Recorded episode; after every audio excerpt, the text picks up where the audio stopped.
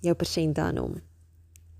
Se Kersfees is verby en 'n nuwe jaar met nuwe drome en beloftes lê voor. Maar nou die dag toe ek die liggies teen wegpak en ek die Kersgeskenk aan vir die soveelste keer, toe laat dit my nou nogal dink. Wat sou ek gedoen het? Wat sou ek gegee het en hoe anders sou ek gereageer het as Jesus self aan daai Kersfeestafel saam met ons gesit het?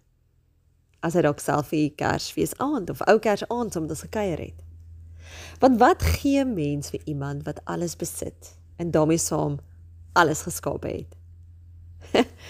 Ek het my lysie gaan maak en dit het gelees. Karin, jou geskenke aan hom sal wees. Dubbelpunt. Jou liefde, tyd, aanbidding, geloof en hoop in hom.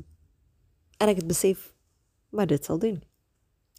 Die ding is net met hierdie tipe geskenke kan jy nie net helfte gee nie want dit gaan krag verloor. So dit gaan alles van ons kos om hierdie geskenke sukses te maak.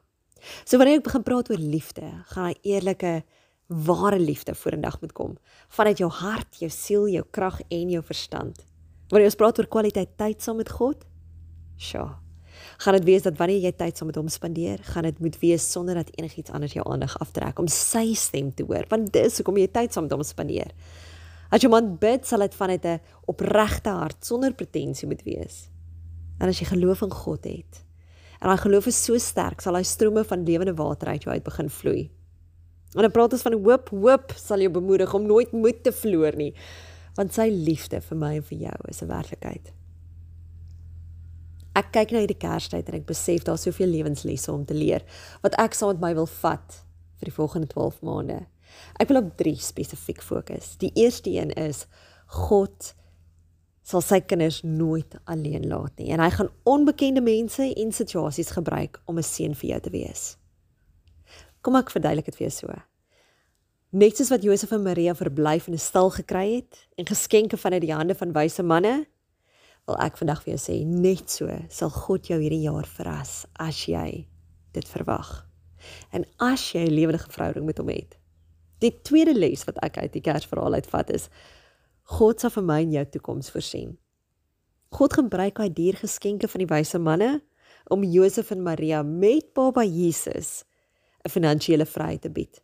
Hulle vlug vir hulle vir hulle lewens vanuit hulle land na Egipte waar hulle dan nou woon tot Jesus se jong seun het. But God knew and hy het klaar voorsien.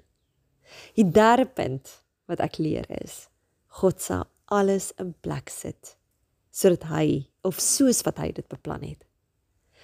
God het lankal die die die sterrehemel gebruik om 'n duidelike rigtingaanwyser te wees vir die wyse manne en die teken van die Messias geboorte, soos wat hy dit klaar voorspel het.